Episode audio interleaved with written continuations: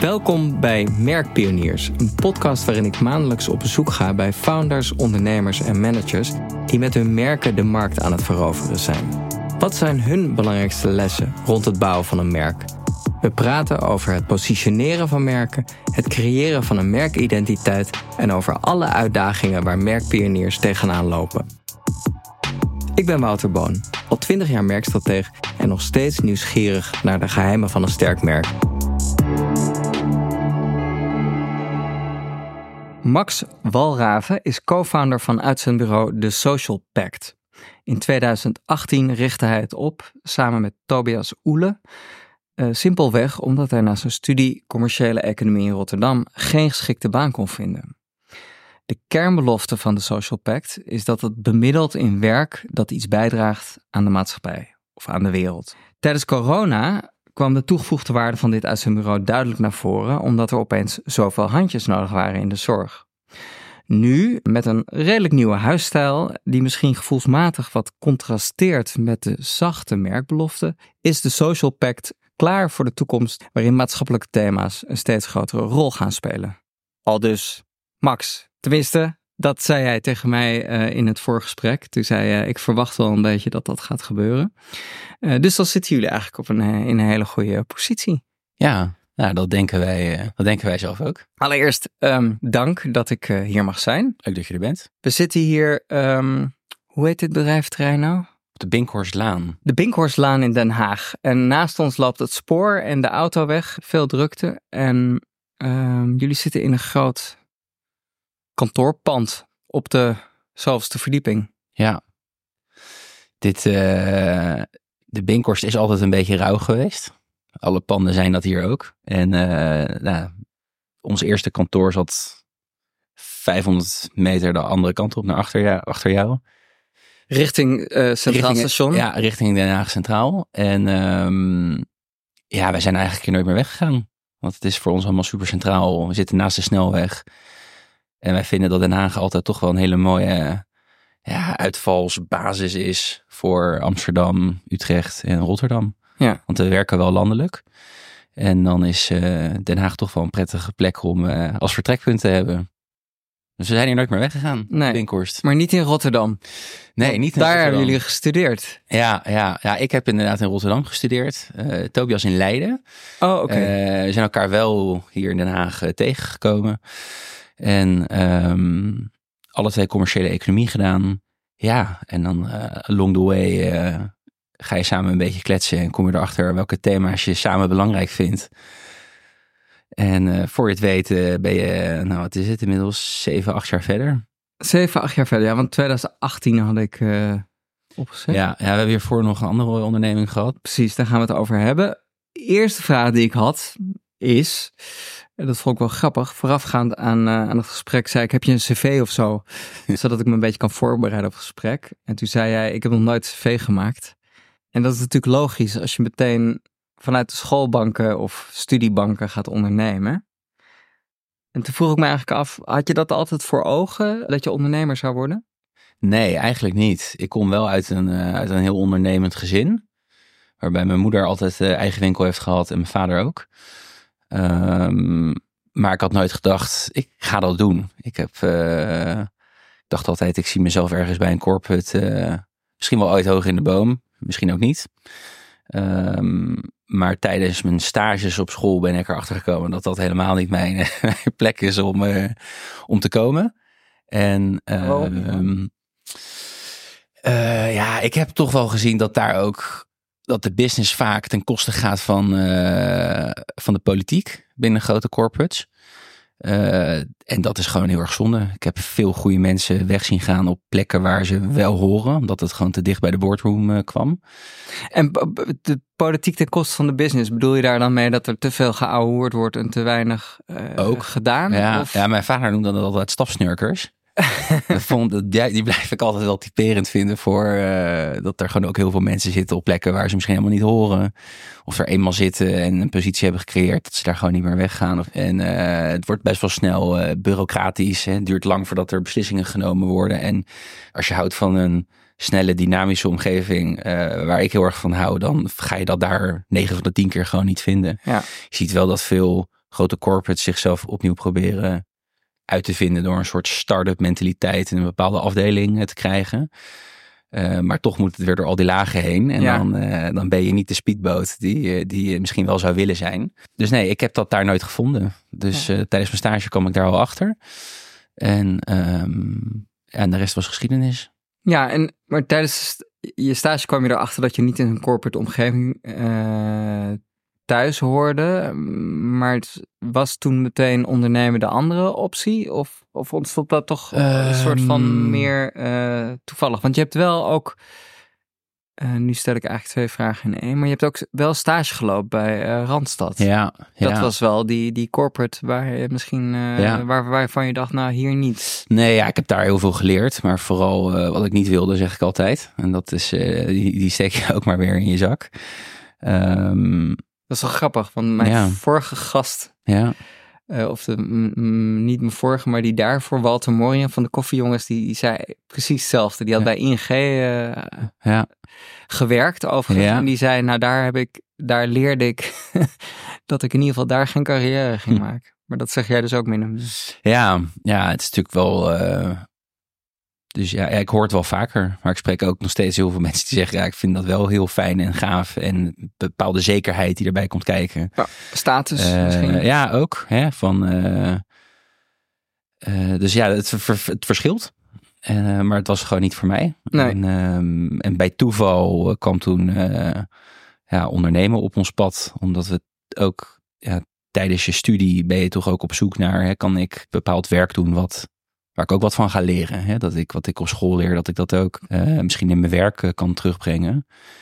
Maar dat was er niet. Uh, niet. Niet in de tijd dat ik studeerde. En natuurlijk altijd wel een telesalesachtige baantjes, maar dat, ja, dat, dat voegde niks toe. Dus ik, ik wilde daar ook niet mijn tijd in, in stoppen. -huh. toen kwam het idee eigenlijk van, nou, als we niet iets kunnen vinden, dan moeten we misschien zelf iets gaan, gaan bedenken. En um, nou, dat zo gezegd, zo gedaan. Dus uh, het was een kleine zoektocht naar wat gaan we dan doen. Ik geloof heel erg dat de business niet ten koste hoeft te gaan van iets of iemand anders. Dus ik geloof heel erg in de win-win-win soms. Um, en toen hadden we thuisgebeld opgericht. En dat was eigenlijk een bellijn voor eenzame ouderen. En dat verkochten we aan zorginstellingen en gemeentes.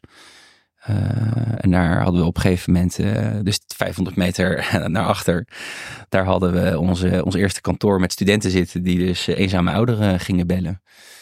En, en hoe kom was, je daar dan op?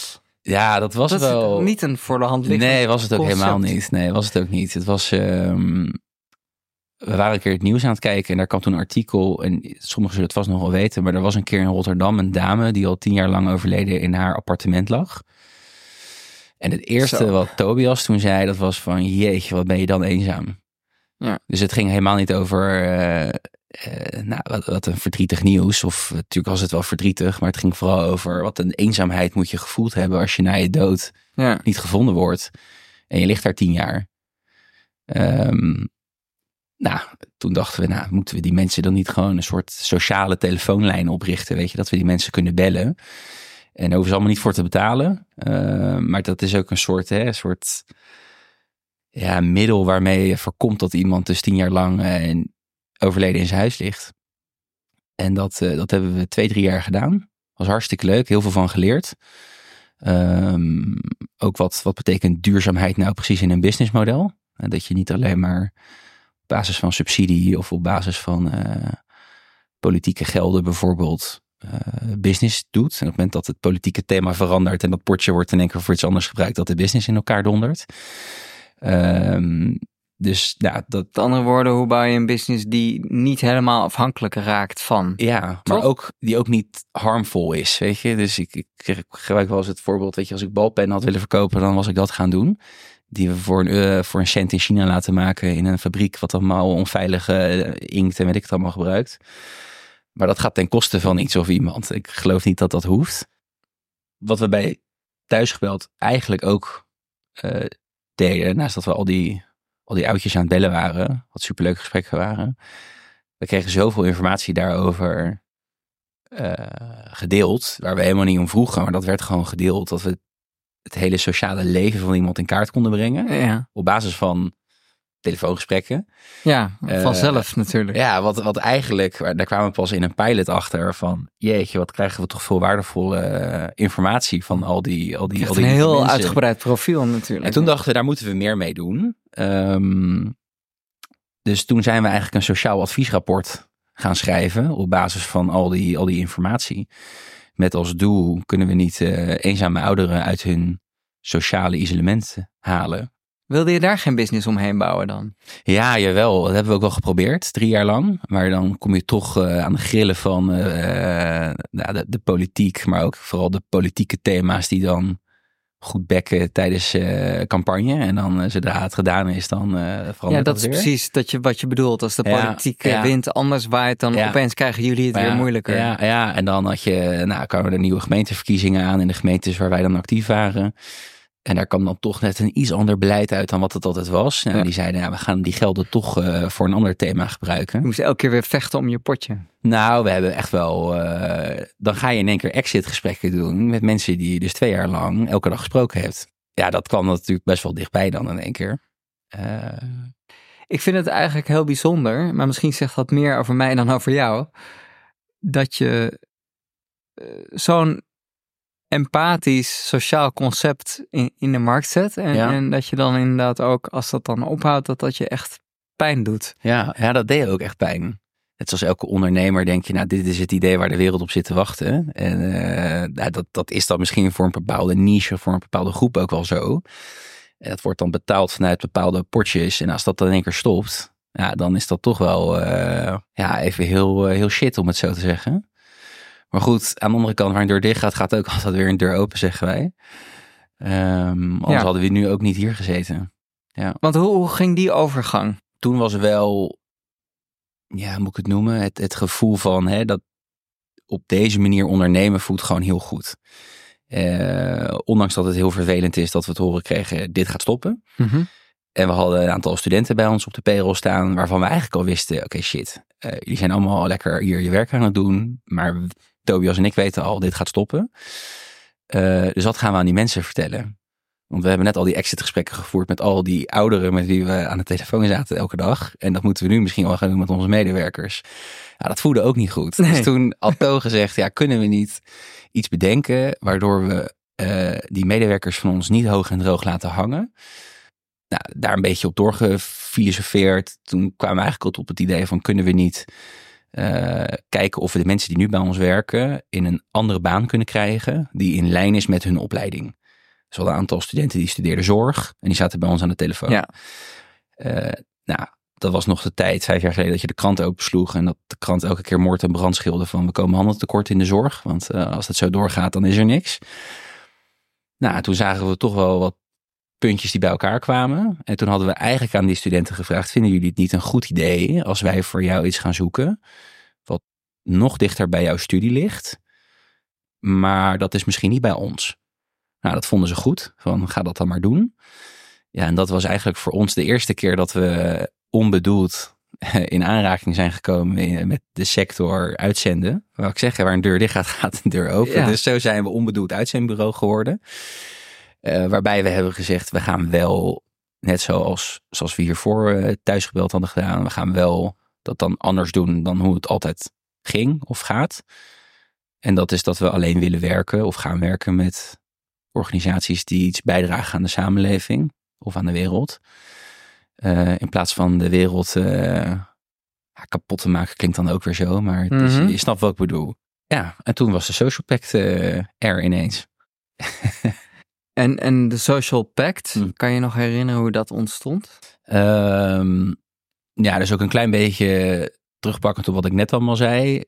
De, als je de Social Pact helemaal plat slaat, is het gewoon het sociale pact wat we sluiten. Het contract? Ja, wat we sluiten met, met onszelf, maar ook met de scholen waarmee we werken. Met opdrachtgevers, maar ook met, met kandidaten en mensen die bij ons werken. Van, Ja. hè, we, De win-win-win. exactly. Dus zo zijn we op die naam gekomen. En dat eh, er zijn heel wat namen die de revue hebben gepasseerd. Maar dit, Oh, dit, dit is uiteindelijk, deze konden we niet loslaten. Dus toen is dit hem geworden. En ook in het Engels? Was dat omdat Ja, jullie ambitie mm, over de grens hadden? Nee, helemaal niet. Nee, dat was Omdat gewoon... het wel jong en... en Ja, het klonk anders. Het Alle, wel jong. Ja, en ehm, nou, weet je, iedereen spreekt tegenwoordig gewoon Engels. Zeker de, de jongere doelgroep waar wij veel mee werken.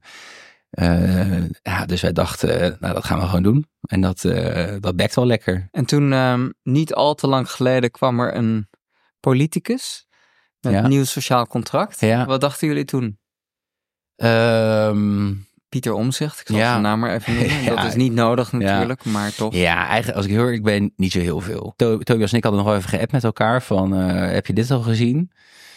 En dat was, antwoord was ja, maar eh, lekker laten. Lekker laten. ja. Nou ja, het voordeel is natuurlijk dat de ene is Engels, de andere Nederlands. En eh pact is ook wel echt een Ja. ander woord voor veel mensen associëren dat niet met een contract. Dus Nee, eh, het is meer verbond natuurlijk. Ja, ja. Oké, hey, en ehm, wat ik wel interessant vind, want je had het net over, daar gingen we een beetje snel doorheen, maar dat je stage liep bij Randstad. ja. Ehm, en je zegt eigenlijk is toevallig dat ik een uitzendbureau ben begonnen. Dat kwam toevallig op pad. Ja. Was daar geen... Nee, Is dat echt toeval? Ja, dat was echt toeval. Want ik heb bij Randstad niks gedaan met eh, recruitment, intercedent, iets. Helemaal niks. Nee. Ik zat daar op de sponsoring en events afdeling. Oh, oké. Dus ik kreeg wel een beeld bij welke grote klanten eh, nou ja, events voor georganiseerd werden. En dat vond ik wel heel interessant. Maar ik heb daar niks gedaan met recruitment of werving en selectie of, of iets in welke hoedanigheid dan ook. Dus Is er iets over qua professioneel met een merk omgaan dat je, dat je daar geleerd hebt? Of iets in het merk denken of het... dat als je daar binnenkomt op het hoofdkantoor, dan zie je eh, in, in de koffiecorner zie je de, de fiets waarmee de oprichter, Frits Goldsmeding, zijn eerste medewerker zelf op zijn fiets naar op de opdrachtgever heeft gebracht. Dus als je het hebt over eh, een, een, een, bijzonder verhaal, authentiek, en dat het dan ook tastbaar wordt in Ja. één keer, dat, dat kunnen zij wel heel goed. Nou ja, en je ziet gelijk, denk ik, de link met je, Ja. eigen, met je Ja. eigen bedrijf. Wat Ja. grappig.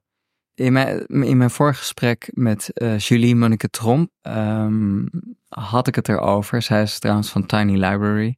Eh, hadden we het over Albert Heijn. En dat daar voor het hoofdkantoor staat daar een vrouw met boodschappentassen. En die noemen ze Beppie. Ja, En dat is ook om te laten zien aan de medewerkers, hier doen we het voor. ja, ja. Dus, maar jij kan dus ook als een randstad eindigen. Dat is eigenlijk de moraal van het verhaal. Ehm, nou ja, goed, dat, je, dat is dan denk ik iets te veel. eh, nou ja, misschien ook wel, misschien niet. Hè? Time will tell, wederom. Maar het is ehm, wa- wat heel leuk is aan, aan dit werk, zeker met de opdrachtgevers waar wij mee werken, is dat het gewoon heel concreet, heel tastbaar is. Hoeveel je nou echt hebt bijgedragen aan iets. En in de kinderopvang kan je dat helemaal terugrekenen naar het aantal uur wat iemand in de kinderopvang heeft gewerkt, wat gelijk staat aan zoveel zorg voor een kind. Mhm. Eh, tijdens corona weer met prikken. Hè. We hebben zoveel prikken gezet bijvoorbeeld. We hebben daar tijdens corona eh, ruim 7000 studenten eh, aan het werk geholpen. Op, op de test, vaccinatie, maar ook de bron- en contactonderzoeklijn. Ja, dan ga je in één keer van misschien 100 mensen bemiddelen of aan werk helpen naar, naar 7000.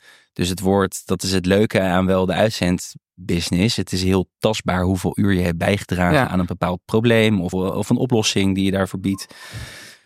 Jullie zouden een teller op de website moeten hebben staan. Ja, bijna wel hè. Hij denkt, nou ja. ja. Over die opdrachtgevers gesproken, hè? want je zegt nu kinderopvang eh, tijdens corona, dat zei ik al Ja. in de inleiding. Toen waren er opeens heel veel handjes Ja. nodig en hadden jullie het super druk. Ehm, wat is ongeveer de scope van de opdrachtgevers waarvoor jullie werken? Wat voor soort bedrijven zijn dat? Nou, het mooiste voorbeeld wat ik altijd vind, dat, dat is ehm, de ANWB is bijvoorbeeld een opdrachtgever van ons. Mhm. Dan krijg wel eens de vraag, ja, maar wat, eh, het ministerie van Wegenwacht, hè, die bel je als je pech hebt onderweg met je auto. Dus wat, wat draagt die nou bij aan echt concrete bijdrage aan Ja. de wereld? En dan noem ik altijd twee dingen. Dat is één, de ANWB die verkoopt nu sinds de, sinds de energiecrisis eh, voor, voor in een abonnementsvorm van 7 euro per maand. Eh, Tegen kan je altijd kostprijs energie kopen. Dat is echt anders hoe de andere energiereuzen dat, dat altijd gedaan hebben. Eh, dat drukt echt wel forse rekening voor, voor gezinnen. Nou, dus op die manier draag je op een hele andere manier bij om nou ja, het, het huishoudpotje wel een beetje in het geheel te houden op het gebied van energie. Eh, maar alle traumahelikopters, die zijn in Nederland van de ANWB. Dat, Oh ja? dat weet bijna niemand. Maar dat is, als je achterop de staart kijkt van de helikopter, staat er ANWB. Grappig. Ja, dus zij zijn constant bezig met hoe, hoe zijn we nou, of hoe kunnen we maatschappelijk relevant zijn of betrokken blijven. Eh, en daarom gaan zij in één keer energie verkopen. Terwijl het eigenlijk gewoon de, de wielerbond is van vroeger. En, maar dat is dus wel zo'n top 100 werkgever in Nederland. Nou, ook wel een beetje bezig is met zich, zichzelf opnieuw uit te vinden. Dat vind ik wel interessant. We worden socialer, dus we gaan nu naar de Social Pact om ons personeel te. ja, was het maar zo dat dat zo ging hoor. Ja, hoe gaat het wel? Ja, dat is toch. Ja, we zijn klein en we hebben, we hebben een klein team. Eh, we, bestaan pas vijf jaar, dus het is niet dat wij nou, een track record hebben zoals, als andere grote Ja. uitzenders in Nederland. Mhm. Dus wij, wij moeten het echt hebben van de, de projecten die we de afgelopen vijf jaar gedraaid hebben. Eh, het is ook gewoon, laten we eerlijk zijn, 9 van de 10 keer gewoon binnenkomen bij de juiste DMU. Hè, als je dat niet doet, dan, dan zit je gewoon. En dan een klik hebben. en dan een klik hebben. Ehm, dus Toch weer netwerken. Hè? Dat het is toch, ik verbaas me wel. En dan moet je eh, het echt niet over, over je moet naar netwerkborrels gaan en zo. Want daar geloof ik zelf niet zo heel erg in. Maar het is wel gewoon. Mijn schoonvader zei altijd, of zegt altijd: het gaat er niet om wat je kent, maar wie je kent. Eh, Ja. ja. en dat is, dat merk ik ook. Weet je, je moet toch gewoon. Op, en ook gewoon the right time. En laatst sprak ik een potentiële opdrachtgever en die zei, nou, jullie komen eigenlijk precies op het juiste moment Ja. trek je nu aan de bel, want dit en dit is er gebeurd. En we hebben al schaarste in de arbeidsmarkt en jullie proberen dat op een hele andere manier te doen dan dat we altijd gezien hebben. Dus kunnen jullie eens een keertje meedenken met ons? Ja, en dan ga je echt wel op een hele andere manier de, de dialoog aan met een potentiële opdrachtgever. Ja. ja, en uiteindelijk gaat het gewoon over vertrouwen. Dus als je elkaar vertrouwt, hè, bedrijven doen niet zaken met bedrijven, maar mensen doen zaken met mensen. Dus ja, dat is mijn ervaring. Ja. Ehm, Nog een mooie wijsheid. ja, dan kom je er wel. Maar ja, het zijn zeker in ons geval met eh, de, de volumes die wij doen, eh, zit daar ook toch wel vaak veel compliance en governance van tevoren Mhm. die, die daaraan te pas komt. Waardoor het soms ook wel eens wat langere processen kunnen zijn, die je als klein bureau graag met veel snelheid eigenlijk wil doorpakken. Ja, je had het al over de dynamische Ja. wereld. Spreek je meer Ja, aan dan ja, de corporate. Ja. Oké. Hey, en wat ik me afvroeg, hebben jullie veel concurrenten? Hebben jullie veel bureaus met eenzelfde soort belofte? Mm, nou, ik niet, de hardheid met hoe wij het doen. Ik zag dat jullie een keer volgens mij voor de deur gingen staan bij.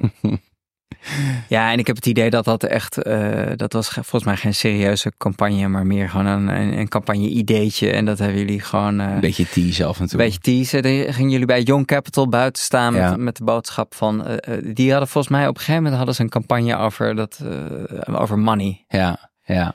Van eh, gericht naar Ja. eh, hun doelgroep. Van hey, wil je, je moet geld verdienen. Ja, En dan zag ja. je eh, dollarbiljetten en van alles. ja. Dus ik neem aan dat, ik, dat, daar, zit, dat jullie daarop inspeelden. En toen zijn jullie voor de deur gaan staan om even het verhaal af te maken met... Het, draait niet alleen maar om nee, money. klopt. Weet je, Iets in die trant. Ja, klopt. Helemaal klopt helemaal. Zij zijn nogal goed in het verheerlijken van geld verdienen. Zeker voor de jongere doelgroep, die daar best gevoelig voor is. Terwijl wij zeggen, weet je, het is, hè, eh, geld verdienen is natuurlijk de hygiënefactor van werk. Ja. Dat is gewoon... Je moet je is. rekeningen betalen. Ja, maar het kan ook in combinatie met iets doen waar, eh, waar de wereld eh, gewoon echt op zit te wachten. Dus dat hoeft niet. ik gebruik altijd, weet je, de uitzichtloze pizzabezorger die eh, op zijn fietsje door de stad crost om die pizza's thuis te bezorgen. Ja, wat voeg je dan nou? Nou, echt. Zit, snap je, waar zit dan die intrinsieke. Ik geloof niet dat iemand die pizza gaat bezorgen met het idee. Hier zit de wereld op te wachten, weet Ja. je? Dat is, dat is. Hier, hier zit één iemand op te wachten die te lui is om te koken. Ja. Maar voor de rest, nee, ik begrijp wat je bedoelt. Ja, Maatschappelijk. Hè, Ja, en Young Capital was voor ons toen best wel hè, voor de hand liggend. Omdat die gewoon heel erg op dat op het domein geld verdienen zitten. Ja. Terwijl wij zitten, ja, weet je, natuurlijk, je kan overal geld verdienen, maar je, je kan niet overal bijdragen. En als je dat wil, ja, dan moet je bij ons zijn. Maar zie je dat als een concurrent? Of, of zijn er andere bedrijven die ongeveer hetzelfde doen, die je veel meer als concurrent ziet? Want, want anders is voor jullie, heb je, heb je heel veel potentiële opdrachtgevers als er Ja. niet zoveel concurrentie Ja. eh, Ja, kijk, volgens de sector zijn we natuurlijk allemaal concurrenten. Maar ik, als ik gewoon kijk naar de business, dan ehm, wordt er vaker door opdrachtgevers gevraagd. Hè, we willen graag met twee of drie bureaus werken. Iedereen zijn eigen niche. En op die manier gaan we met elkaar vacatures vullen eigenlijk. Ja, en ja, ben je concurrent? Ja, in die end, ja, je bent natuurlijk wel concurrent van elkaar, maar we dragen gewoon echt wel een andere boodschap uit dan, dan wat de rest doet in de uitzendwereld. En, en daar moeten we ook eerlijk zijn. Ja, niet elke opdrachtgever past bij ons daardoor. Young Capital letterlijk denk ik overal geld kan verdienen, zullen ze dat doen. En wij zijn echt wel kritisch daarin. Met wie werken we wel, met wie werken we niet. En dat, dat is soms heel lastig. Ja, ik wil Uh, zeggen. Een heel recent voorbeeld is, we hebben ooit bij ons, eh kregen we vraag of we met, met Schiphol, met Schiphol, KL, Schiphol KLM, ik weet niet meer precies, maar Schiphol KLM wilden werken. Eh, nou, daar kwamen we eigenlijk niet uit. Dus toen, we hier intern met al Wat, iedereen- dragen ze bij aan de wereld? nou, weet je wat is? Kijk, Schiphol die zegt ja, wij faciliteren, maar KLM die vliegt, dus die stoot wel uit. Toen hebben we gezegd, oké, gaan we niet doen, want we kunnen het strijkt toch niet helemaal met waar we voor willen staan. En toen kwam ik er eh, toevallig vorige week achter dat, eh, dat zij dus nu ook alle het noodvluchten uit Israël, Gaza nu terug, dat organiseren zij. Dat organiseert Schiphol. Nou, dat, ja, KLM doet dat met het ministerie en met SOS International bijvoorbeeld. Eh, ja, daar hadden we natuurlijk heel graag eh, aan willen bijdragen. Maar dan overstijgt in één keer dat maatschappelijke thema versus de discussie, Ja. vliegtax en dat soort, dat soort dingen. Ja, dat zijn natuurlijk wel eh, met onze propositie. Ja, dus het, het, het kan het ene jaar het niet zijn Ja. en zomaar het andere jaar wel, omdat er iets gebeurt in de wereld waardoor het ander het ene overstijgt. Ja, een, een ik denk dat het heel belangrijk is ook aan een merk bouwen, een merk positioneren, is natuurlijk ook nee zeggen. Ja, Want eh, het is verleidelijk om overal ja, op te zeggen, maar Ja. dan, dan verlies je inderdaad ja, eh, waarom het allemaal begonnen was. Ja. Ehm, en als je nou kijkt, ik had het net over concurrenten, als je nou kijkt naar de, de doelgroep, eh, de andere doelgroep, dus niet de opdrachtgevers, maar de jongeren. Ja. Komen die dan naar jullie toe? Vinden die jullie omdat ze uit zichzelf zeggen: Ik wil iets bijdragen naar maatschappij? Is- is- Zie je daar een trend in? Of? Ja, er is natuurlijk een gedeelte wat vindt, dat vindt ons organisch of, of mond op mond. Hè, van joh, wil je, wil je goed werk doen, dan moet je bij dit bureau kijken bijvoorbeeld. Ja, en als dat te, te weinig is dan het werk wat we hebben, dan gaan we zelf eh, naar ze op zoek. Dus dan moeten we onszelf continu de vraag stellen, waar, waar zit die jongere doelgroep die... In ieder geval bij die opleidingen, bij die zorgopleidingen. Nou ja, dus da- daarom zijn onze partnerships met die scholen ook zo belangrijk. Ja. Eh, want we- daar vinden jullie de aanwas. Ja, wij staan niet op het schoolplein, maar wij staan echt voor de klas ook. We geven workshops. Dus dat is echt wel, eh, dat is echt wel anders dan hoe andere bureaus dat eh, vroeger probeerden te doen. Ja, en, en ze weten ons te vinden. Want anders kunnen we niet de, volumes wegwerken die we gedaan hebben en doen. Dus dat is wel... eh, En ik weet niet wie jullie doelgroep is. Generatie Y, Z. eh, ja, ik vind Z nog steeds wel het meest... Ja, ik zeg al, leeftijd 18 tot, tot 30 jaar is een beetje onze doelgroep. Ja. Dus studenten en young professionals. Maar ja, kijk, wat is, dat is de definitie van student. Hè? Iemand die, eh, die 40 is, die zich wat omscholen en een duale opleiding gaat doen, kan ook natuurlijk student maar- zijn. Maar zie je dat de, de jongeren van Ja. vandaag, eh, ik zie wel een groeiende, groeiende groep. vergeleken met eh, misschien de, de generatie Ja. daarvoor, zie je Nou, daar een verandering in optreden? Eh, ja, zeker wel. Weet je, het is. ehm, de, de, de thema's die vroeger actueel waren, noem ik het dan eventjes, die waren heel anders dan, dan de generatie die nu opgroeit. Je slaat de krant open en je leest over eh, klimaatverandering. Eh, ik, ik zie minder bijtjes en vlinders door de tuin vliegen.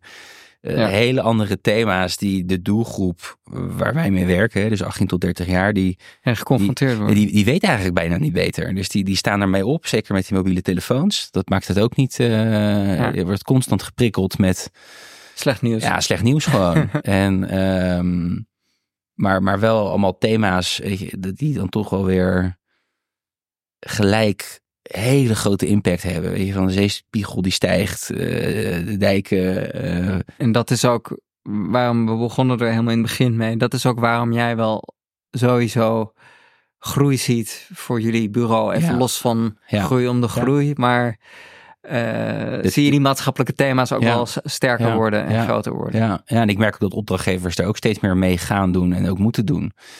Dat is goed, dat is een goed, dat is een goed teken. Dus in contrast met waar we het net over hadden, zie jij eigenlijk wel een zonnige toekomst voor. Nee, eh, ja, dat is natuurlijk een beetje tegenstrijdig als je het zo zegt, maar het is wel, eh, Ja, ja, dat doe ik expres. ja, ja. Ja, oké. hey, en ehm, ik wil het ook nog even over, eh, dat vind ik ook altijd leuk, even over de huisstijl Ja. hebben. Die was een half jaar geleden of zo aangepakt Ja. door Fitzroy. Ja. En ik zei ook in de inleiding dat ik, dat er, dat ik wel een soort contrast voelde tussen de merkbelofte en, en, de, en de huisstijl. Want in die Mhm. huisstijl zit, en nu ga ik het proberen te zeggen, Mhm. maar jij moet het straks beter zeggen. Eh, het is in ieder geval, laat ik het zeggen, het is jong en modern. Om Ja. het maar even in hele algemene termen Ja, te ja, omschrijven. Ja. Nee, toen we ooit begonnen, toen hadden wij eh, nou, eh, uitgelegd aan een bureau hoe, wat wij wilden gaan doen. Hè, Dat Mhm. we eh, bijdragen, zorgen, samen zorgen we ervoor dat het beter wordt. En daar kwam toen een hele leuke wit, groen, frisse, Lieve. eh, liefelijke, brave jongetje van de klas mentaliteit uit in look en feel. Ja, En- ook begrijpelijk op en ja, dat paste ook in die fase waar we toen in zaten, paste dat echt wel goed bij ons. Weet je? Ehm, en along the way, ja, wij, wij hebben. Ik, ik, we zijn zelf ook wat ouder geworden in die vijf jaar tijd. Je doet grotere projecten, dus je ontgroeit op een gegeven moment ook een beetje. Je ontpopt jezelf een beetje van dat lieve brave jongetje. Naar, nou, ik wil niet zeggen klasseoudste, maar hè, we hebben Jullie hebben iets te vertellen. we hebben, ja, we hebben gewoon wat projecten gedaan waarvan we weten, oké, als je dit op deze manier doet, dan, dan weten we dat het, dat het werkt en dat het lukt. En eh, we merkten zelf dat het voor ons steeds moeilijker werd in klantgesprekken om, om die, die andere tone of voice te hebben in dat lieve, liefelijke. Ja. eh, De wat meer zelfverzekerde. Juist, ja. En eh, dat- die, die, die tone of voice werd nou, niet wat harder, maar wel gewoon wat duidelijker op een gegeven moment. Toen kwamen we op een gegeven moment op het punt dat we zeiden, oké, ja shit, we moeten, dit moet echt anders nu. Want het strijkt gewoon niet meer helemaal met hoe we ons nu ja, v- voorstellen, introduceren bij opdrachtgevers. Mhm. En toen zijn we eh, eh, via, via eh, bij eh, Jur, Jur terechtgekomen van Jur, Jur Baart van Fitzroy. En eh, daar hebben we eh, met zijn team hebben we daar allemaal hele mooie eh, ja, stappen doorlopen van hè, maar, maar wie was je dan en wie zijn jullie nu en wa- wa- wa- wat, typeert jullie nou als, als organisatie soort- waar staan jullie voor? Een soort workshop. Ja, dat was heel leuk. Ze hebben een soort, soort, soort spel voor met een A4'tje met 40 woorden erop.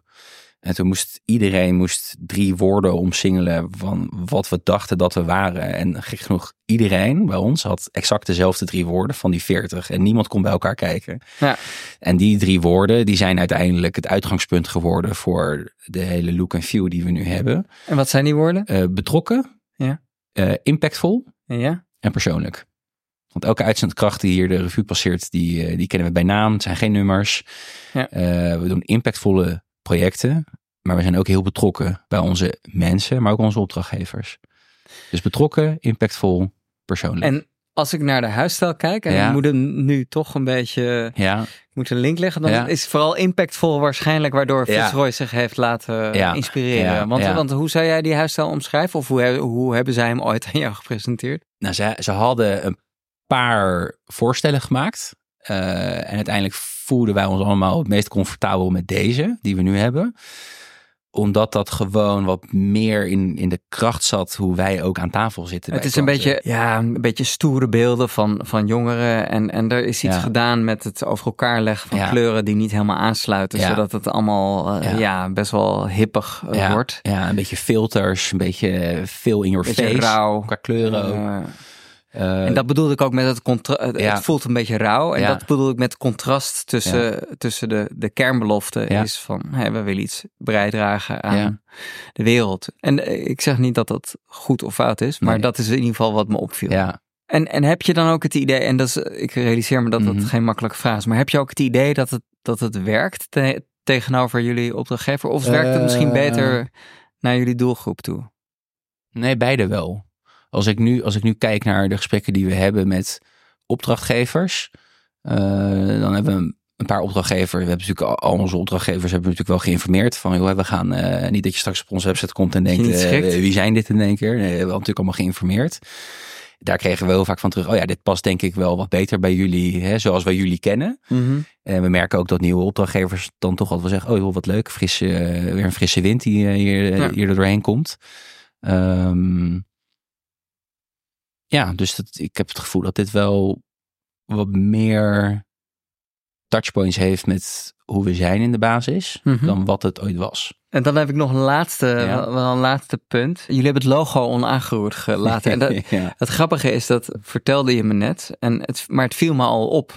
ja. En ehm, wat was daar de overweging bij? Nou, eh, een paar, paar dingen waren dat. De eerste is eigenlijk dat we niet wilden dat eh, potentiële opdrachtgevers die al een keer bij ons op de website waren geweest, of kandidaten die terugkomen naar de website in één keer denken: hey, dit is iets compleet anders dan wat ik altijd dacht. Dus dat logo is er wel ingebleven, ook al voor een stukje herkenning. Dat is de- het anker. Het ankerpunt van, eh, van ons. En de andere renders die we kregen, die waren eigenlijk gewoon niet beter dan, dan wat we hadden. Oké. Ehm, dus we hadden gezegd, nou, aan het logo gaan we gewoon niet tornen. Dat blijft gewoon zoals het is. En eh, eh, daar hebben we ook, ook echt geen spijt van dat we dat gedaan hebben. Ja, Ja, en even voor degenen die de Social Pact eh, niet kennen. Het staat gewoon in, in small caps of in kleine letters staat er de Social Pact. En dan, ik dacht dat het in een kruising tussen een tekstballonnetje en een hartje eh, geschreven was. Het schijnt eigenlijk een boek, een opengeslagen boek te zijn. het is eigenlijk een, een, een, een, leerboek wat iemand openslaat. En hè, dus vandaar ook, hè, je doet iets met je opleiding, maar ook iets met je hart. En eh, ja, die is nog steeds on point, vinden wij. Goed zo. Ja, De Social Pact. Ik, ik, zie jullie een eh, zonnige toekomst inderdaad tegemoet. Dus eh, de- dat klinkt tegenstrijdig, zeiden we al eerder. in, in, in het licht van zoveel ellende. Maar eh, de zorg groeit alleen maar. En, Ja. ehm, en misschien krijg je wel een tegenbeweging naar individualisme en eh, zeg maar eh, winstgedreven corporates Ja. die het niet zoveel uitmaakt Ja. hoe ze werken naar eh, een pendule dus die de andere kant op slaat naar een wat meer socialere ja dat, Wereld. Wel- dat zal wel goed zijn, hè? ja Als dat meer gebeurt. dat is voor jullie zeker Ja, dus heel veel dank voor dit interview ja nou, mooie afsluiting zo. ja. Dank voor, voor je vragen. Dank voor het luisteren naar Merkpioniers, een podcast van Wouter Boon over merken die de markt aan het veroveren zijn. Als dit smaakt naar meer, abonneer je er dan op in je favoriete podcast-app. Dank ook aan Adformatie voor de aandacht in jullie magazine. Meer informatie over deze podcast vind je op merkpioniers.nl.